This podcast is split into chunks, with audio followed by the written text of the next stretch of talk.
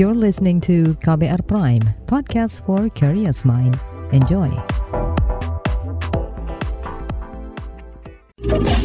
Kamu lagi dengerin What's Trending KBR Pagi.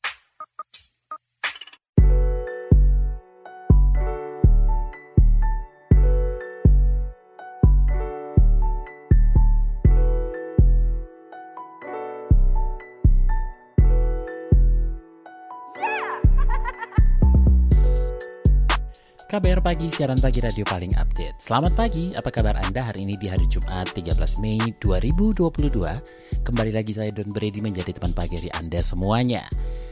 Menyoal strategi entaskan pengangguran itu yang kita obrolin pagi ini. Jadi berdasarkan data dari Badan Pusat Statistik, tingkat pengangguran terbuka atau TPT Februari 2022 itu mencapai 8,40 juta orang. Meski tercatat turun dibandingkan tahun lalu, namun angka ini masih terbilang besar ketimbang sebelum pandemi. Menteri Keuangan Sri Mulyani dalam sebuah webinar Rabu kemarin mengungkap besarnya dampak pandemi COVID-19 terhadap perekonomian dunia hingga menyebabkan banyak perusahaan bangkrut dan meningkatkan angka pengangguran. Pelaku usaha mikro kecil dan menengah atau UMKM yang menyumbang 60% ekonomi di Indonesia juga menghadapi banyak kendala, termasuk akses terhadap pembiayaan. Padahal UMKM menyediakan 97% lapangan kerja, memiliki share lebih dari 60% PDB dan lebih dari 60% investasi. Pemerintah pun mengklaim terus mengencarkan transformasi menuju teknologi digital untuk memastikan masyarakat masih dapat terus bekerja dengan cara yang sangat produktif. Jika mengacu pada data dari Badan Pusat Statistik, lima daerah yang memiliki tingkat pengangguran terbuka tertinggi adalah Banten, Jawa Barat, Kepulauan Riau, DKI Jakarta, dan Kalimantan Timur. Sementara itu daerah istimewa Yogyakarta termasuk provinsi yang mampu menekan tingkat pengangguran terbukanya di bawah rata-rata nasional. Sejumlah daerah berupaya mengurangi angka pengangguran. Daerah istimewa Yogyakarta termasuk provinsi yang mampu menekan tingkat pengangguran terbukanya di bawah rata-rata nasional. Gubernur DIY Sri Sultan Hamengkubuwono ke-10 menegaskan masyarakat Yogyakarta memiliki karakter yang gigih dalam bekerja, ramah, serta mengedepankan nilai toleransi dalam kehidupan sehari-hari. Kata dia, masyarakat Yogyakarta menerima berbagai kemajuan zaman seiring dinamika global tanpa harus kehilangan jati dirinya. Nah, sebelum kita lanjutkan pembahasannya, kita dengerin dulu komentar warganet plus 62 berikut ini.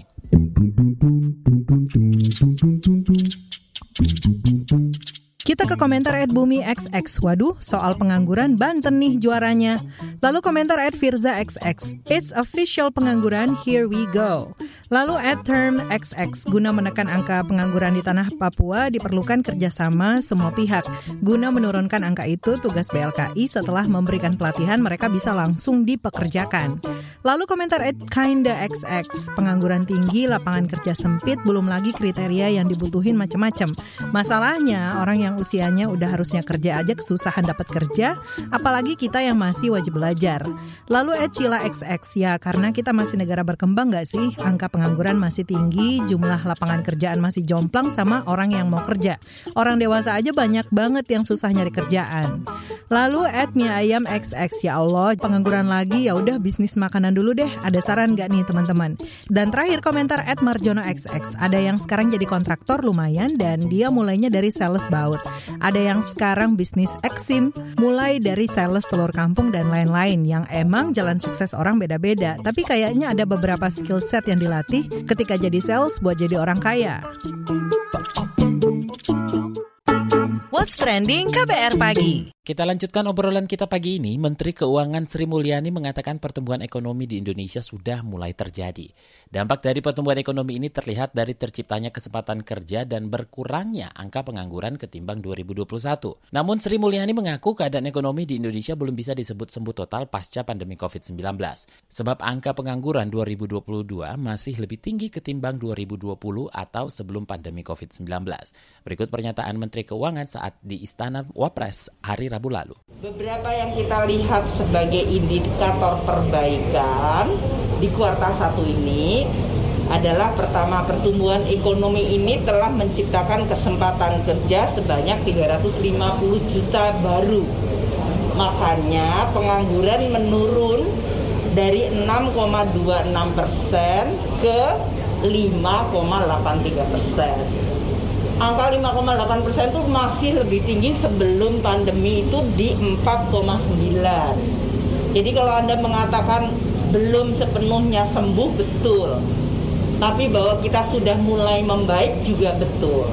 Kan kayak gitu, karena semuanya proses pemulihan ekonomi itu memang berjalan dengan program-program yang dilakukan pemerintah.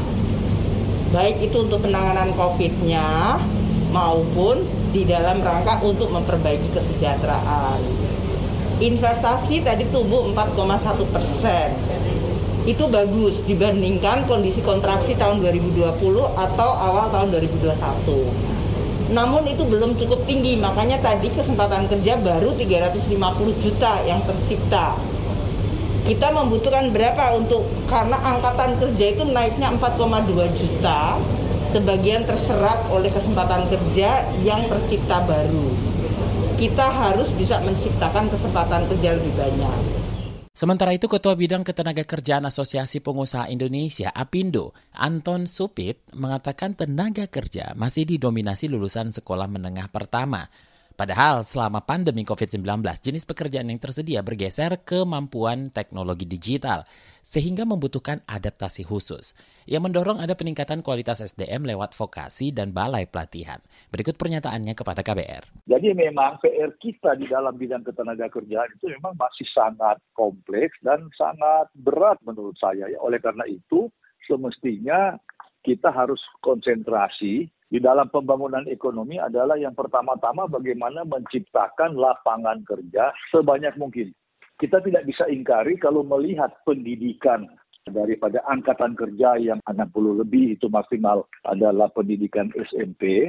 Artinya kita tetap membutuhkan industri padat karya karena memang struktur ketenaga kerjaan kita seperti itu. Ya, artinya dari segi pendidikan masih ketinggalan. Nah, oleh karena itu, yang sekarang perlu kita genjot itu adalah bagaimana meningkatkan kompetensi daripada angkatan kerja kita itu. Yang paling efektif adalah melalui vokasi. Sementara komisi yang membidangi ketenaga kerjaan di DPR mendorong pemerintah agar menyiapkan langkah-langkah untuk mengurangi angka pengangguran yang masih tinggi itu. Anggota Komisi Bidang Ketenaga Kerjaan DPR Rahmat Handoyo menyebutkan beberapa hal yang bisa dilakukan. Apa saja? Kita dengarkan penjelasannya kepada KBR. Beberapa langkah secara makro maupun mikro ya. Kalau secara mikro tentu solusi untuk mengecilkan pengangguran tentu adalah investor masuk, dana masuk, pengusaha masuk ke Indonesia, baik pengusaha asing maupun pengusaha Indonesia. Tetapi kan tidak semudah kita bayangkan. Nah, secara mikro saya kira apa yang harus dilakukan oleh pemerintah saya kira bagaimana agar kita menciptakan kewirausahaan-kewirausahaan mandiri di berbagai kalangan ya, baik yang korban PHK maupun yang belum uh, mendapatkan kesempatan bekerja karena setelah lulus uh, kuliah maupun lulus sekolah tingkat atas. Nah ini yang harus kita gerakkan, harus kita rubah mindsetnya bagaimana agar kita membuka peluang usaha mandiri, berwirausaha. Melalui apa ya saya kira? Peningkatan pelatihan-pelatihan atau memberikan pelatihan-pelatihan baik dinas dari daerah sampai ke pusat itu dibuatlah vokasi-vokasi ya pelatihan-pelatihan kecakapan hidup.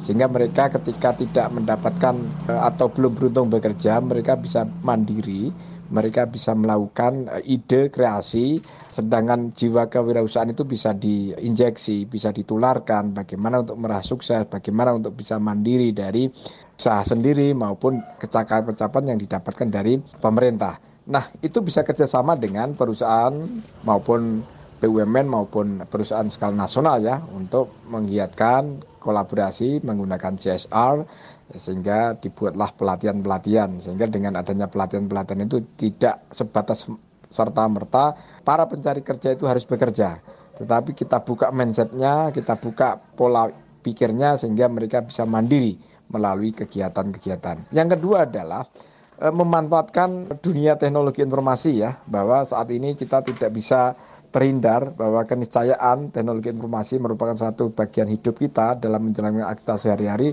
baik ekonomi maupun kehidupan yang lain. Sehingga dengan mengoptimalkan dan memanfaatkan informasi teknologi ini sehingga para pencari pekerja bisa memanfaatkan ada ceruk peluang yang sangat besar di sana bahwa informasi media informasi peluang-peluang apa yang bisa dikerjasamakan peluang-peluang apa yang bisa diusahakan melalui teknologi informasi ini melalui internet ini. Sehingga dengan adanya informasi internet yang sudah masuk ke desa sehingga potensi-potensi peluang itu bisa digandengkan, bisa dikawinkan, bisa disinergikan antara pusat sampai daerah sehingga menggerakkan potensi pemuda-muda tidak harus ke kota, kemudian potensi di desa, di kampung itu bisa dioptimalkan melalui pemberdayaan desa, pemberdayaan pemuda, melalui kewirausahaan pemuda di tingkat lokal sampai ke tingkat nasional.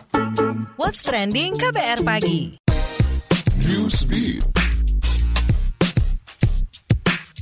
Presiden Rusia Vladimir Putin dinilai tidak akan mengakhiri perang di Ukraina dengan target menguasai Donbas. Putin diyakini bertekad membangun jembatan darat hingga ke wilayah yang dikuasai separatis pro-Rusia di Moldova. Dilansir dari AFP, Direktur Intelijen Nasional Amerika Serikat Avril Haines menyatakan bahwa intelijen Amerika Serikat berpikir keputusan Putin untuk memusatkan pasukan Rusia di wilayah Donbas, Ukraina bagian timur, bersifat sementara setelah kegagalan mereka dalam merebut Kiev di bagian utara.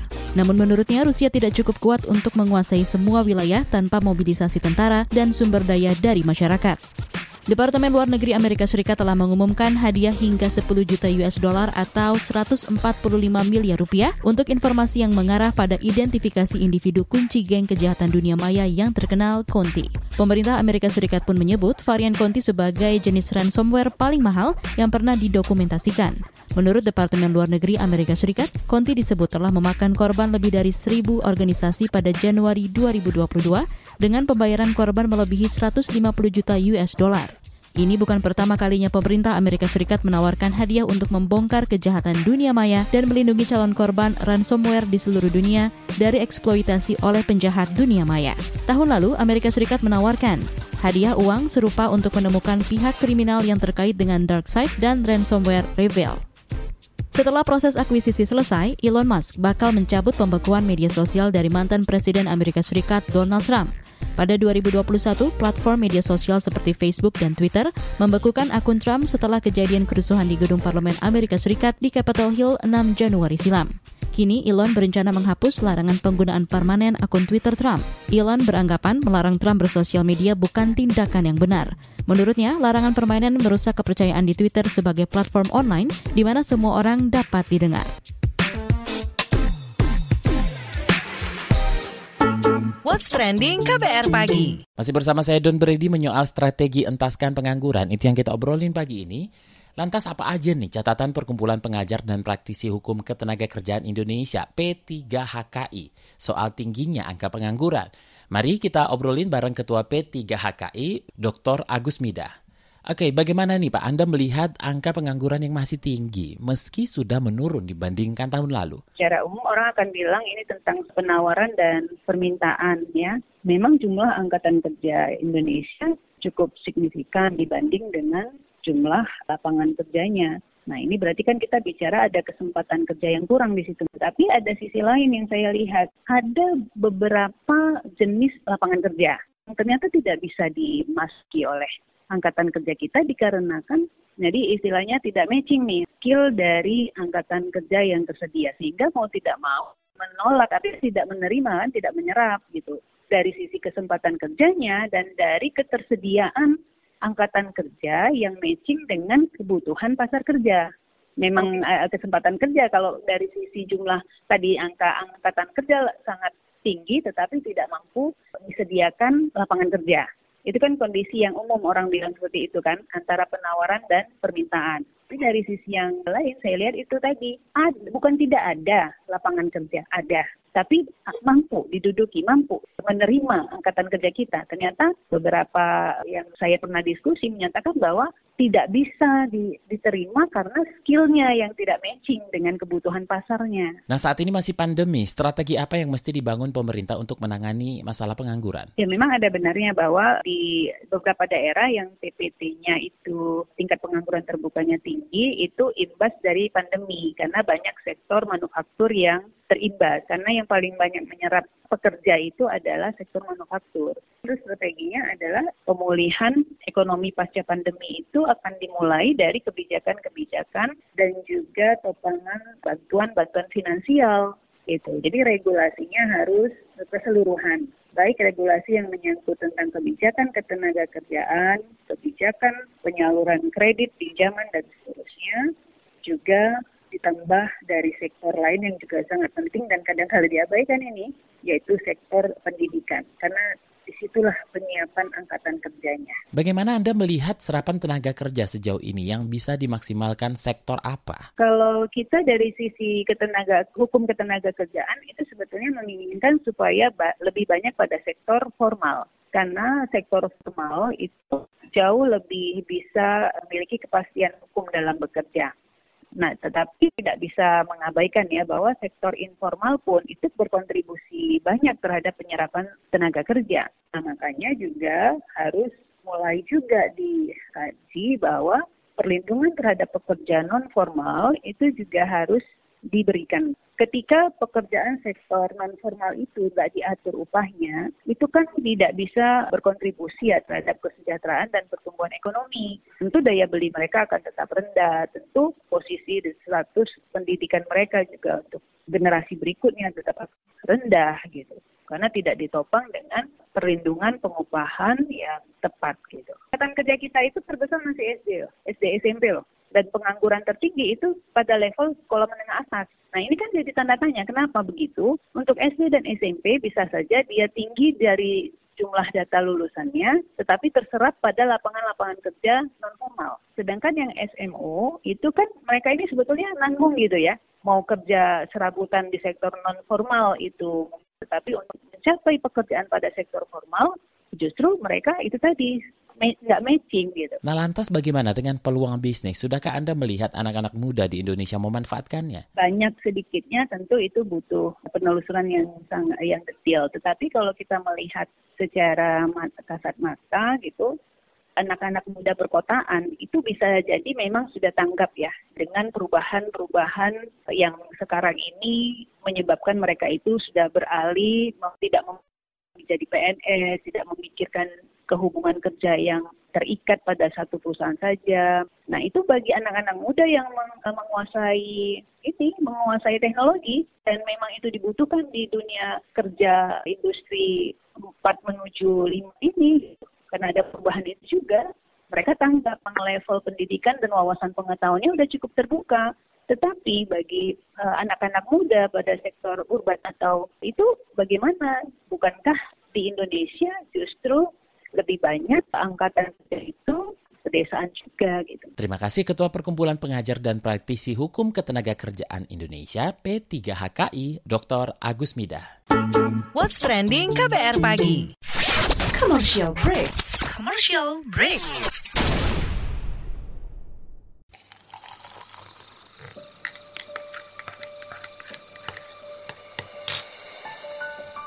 Hai, kamu apa kabar? Masih suka menikmati senja dan kopi? Aku masih ingat kebiasaan kita. Sehabis pulang kerja, selalu mencari tempat untuk sekedar ngobrol dan ngopi. Tapi kadang kita kehabisan bahan obrolan. Aku masih melakukan hal yang sama sampai sekarang tanpa harus takut habis bahan buat ngobrol. Karena aku selalu mendengarkan KBR sore dari Senin sampai Jumat jam 4 sore. Ah, aku rindu. KBR Inspiratif Terpercaya. What's trending KBR pagi?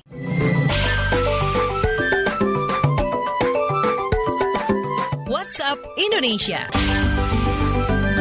WhatsApp Indonesia dimulai dari Solo, Jawa Tengah. Usai lebaran, pemerintah kota Solo mewaspadai masuknya penyakit peradangan hati atau hepatitis akut misterius pada anak usia balita hingga 14 tahun. Kepala Dinas Kesehatan Kota Solo Siti Wahyuningsi mengatakan potensi penularan di momen mudik lebaran kemarin sangat tinggi. Menurutnya, banyak kegiatan makan bersama di luar rumah yang tidak memperhatikan kebersihan peralatan makan. Siti menjelaskan penularan hepatitis akut lebih cepat daripada hepatitis A, B, C, D maupun E. Gejala hepatitis akut lebih parah dan mematikan dengan gejala mual, diare, lemas, muntah, kejang, pembekuan darah, dan lainnya. Kementerian Kesehatan mencatat ada 15 kasus hepatitis akut di lima provinsi di Indonesia. Lima di antaranya meninggal dunia. Selanjutnya menuju Bali. Wakil Presiden Ma'ruf Amin optimistis sektor wisata Bali bakal pulih usai terimbas pandemi COVID-19. Terlebih, capaian vaksinasi dosis ketiga atau booster di Pulau Dewata sudah mencapai 70 persen, termasuk tertinggi secara nasional. Karena itu, ia berharap pelaku usaha mikro kecil dan menengah atau UMKM dapat memetik keuntungan dari peningkatan kunjungan wisatawan. Wapres juga mengimbau untuk menggencarkan promosi pariwisata Bali kepada wisatawan, apalagi sebagian besar masyarakat Bali sangat bergantung dari sektor pariwisata itu. Ia berharap sektor pariwisata bangkit usai terdampak kebijakan pandemi COVID-19. Sementara itu, pembina unit usaha Pantai Jerman Bali, Niluh Gede Sri Media Stuti mengatakan, wisata di sekitar wilayah itu sudah mulai bergeliat. Namun menurutnya, kondisi ini masih belum meningkat sepenuhnya, sehingga dirinya berharap pemerintah dapat menstimulasi pemulihan ekonomi pada sektor pariwisata di Bali. Menurut data sementara, destinasi wisata di Bali sudah mulai tumbuh, meski baru sekitar 20% dari aktivitas normal. Terakhir mampir Jawa Timur, kopi Excelsa asal Wonosalam, Jombang, Jawa Timur menembus pasar dunia Sebanyak 12 ton kopi Jombang diekspor ke Malaysia pada kiriman perdana. Gubernur Jawa Timur Hovifa Indah Parawansa berharap pengiriman produk kopi dari Jombang ini akan terus berlangsung hingga sampai ke negara lain di seluruh dunia. Hovifa menambahkan komoditas kopi Excelsa ini juga sangat langka. Bahkan produksi di seluruh dunia hanya terdapat 7% saja. Di Jawa Timur, budidaya kopi Excelsa ini hanya ditemukan di tiga tempat, yakni Wonosalam Jombang, lereng Gunung Wilis Madiun, dan lereng Gunung Ijen. Gubernur Juga berharap ekspor kopi lokal ini tidak hanya ada di Jombang saja, melainkan bisa ditiru daerah lain. Mengingat saat ini pangsa pasar atau usaha di bidang kopi sangat dinikmati. Demikian WhatsApp Indonesia hari ini. Demikian KBR Pagi hari ini. Jika Anda tertinggal siaran ini, Anda kembali bisa menyimaknya di podcast What's Trending yang ada di Spotify, kbrprime.id, dan di aplikasi mendengarkan podcast lainnya. Don't ready undur diri. Have a nice day. Have a nice weekend. Stay safe. Bye-bye. Terima kasih ya sudah dengerin What's Trending KBR Pagi. KBR Prime, cara asik mendengar berita. KBR Prime, podcast for curious mind.